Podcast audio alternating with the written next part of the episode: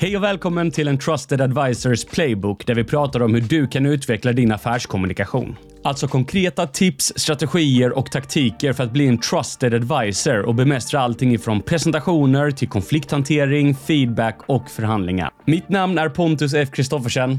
Enjoy! Efter att ha tränat tusentals människor till skickliga kommunikatörer så har jag identifierat det vanligaste misstaget som nervösa människor gör i sin strävan att träna bort sin osäkerhet. Och med en enkel insikt kan du undvika att göra samma misstag och istället halvera inlärningskurvan och snabbt känna dig trygg och självsäker när du presenterar. Det här är exponeringsmetoden. Jag har de senaste åren lagt en enorm mängd tid på att läsa forskning, intervjua psykologer och experter inom beteendepsykologi för att förstå på bästa möjliga sätt hur vi kan träna bort nervositet och bli självsäkra presentatörer. Och det finns flera forskningsförankrade strategier som vi kan ta hjälp av, vilket jag beskrivit i andra klipp som jag länkat till i slutet av denna. Men vi kan inte undvika att i slutändan behöver vi exponera oss för situationer för att övervinna oron.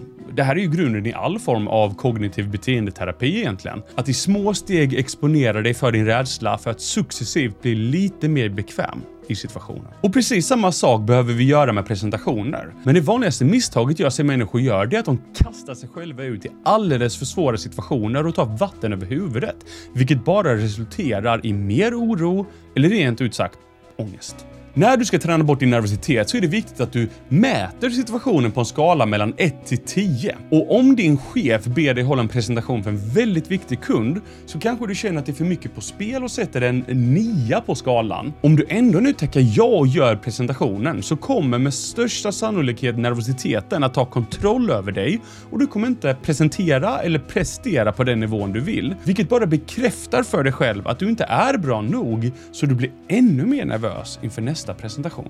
Hej, Pontus här. Jag vill bara komma med en snabb rekommendation att om du gillar det här innehållet, se till att lägga till mig på YouTube och LinkedIn där jag delar med mig av den här typen av innehåll i korta och lärorika klipp. Tillbaka till avsnittet.